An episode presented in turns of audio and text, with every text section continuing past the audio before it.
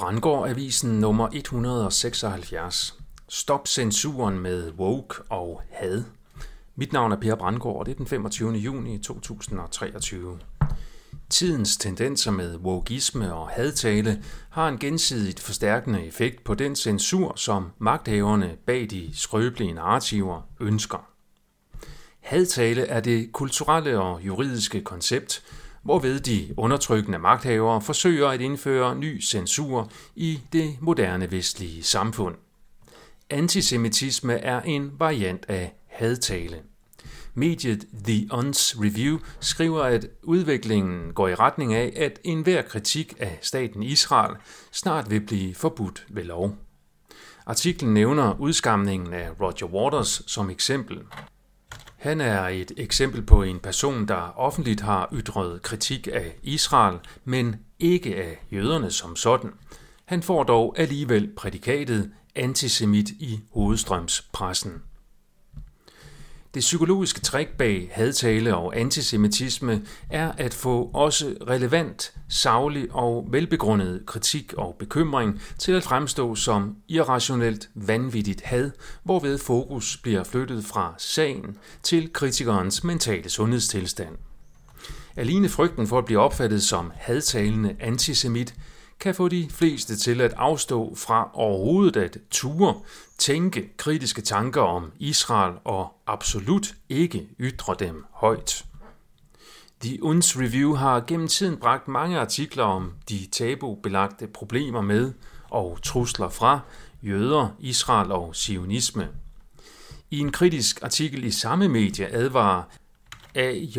Smuskiewicz nu læserne mod at overdrive troen på jøderne som roden til alt ondt, da man ikke automatisk bliver ond af at have en jødisk forælder.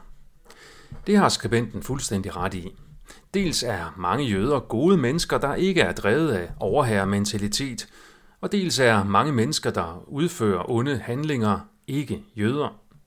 Mennesker, uanset etnicitet og religiøsitet, bør vurderes på deres handlinger – Vejen frem må efter min mening være det balancerede perspektiv, hvor man på den ene side ikke lader sin kritiske tænkning hæmme af frygt for at blive udråbt som hadfuld antisemit, og på den anden side heller ikke lader sig forføre af den intellektuelle dogenskab, som det er at give en gruppe skylden for alle problemer.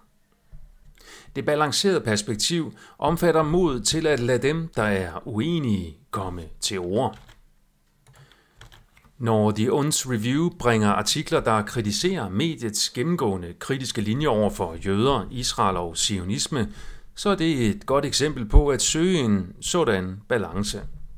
Propagandister er derimod frygtelig bange for at lade deres kritikere komme til ord, da bedraget, som propagandaen er baseret på, og det dybere bedrag, som det overfladiske bedrag er baseret på, så kan risikere at sive op til overfladen og blive afsløret over for deres egen målgruppe. Hvis du er uenig i noget af det, jeg skriver her i Brandgårdavisen eller andre steder på perbrandgård.dk, så er du hermed inviteret til at ytre din kritik som indlæg i gæsteblokken, som jeg vil fremhæve lige så meget som alle andre indlæg.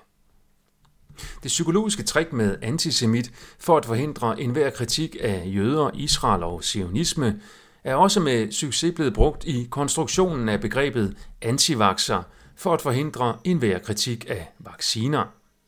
Antidit og antidat er en smart måde at censurere det modsatte synspunkt fra debatten.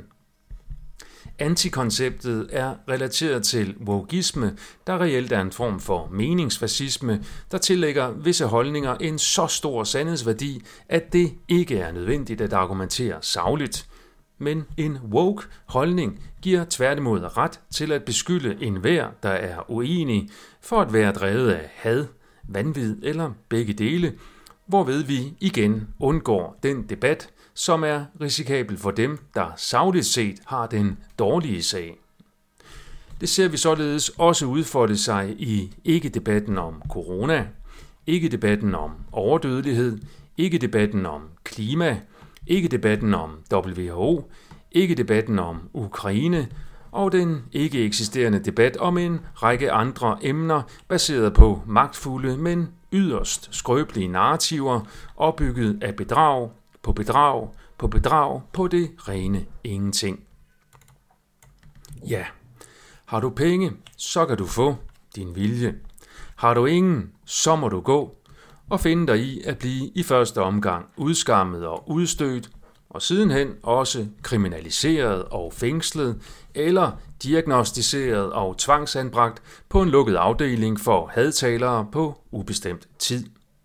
Velkommen til den fagre nye verden, hvor det kun er de dumme, der er lykkelige.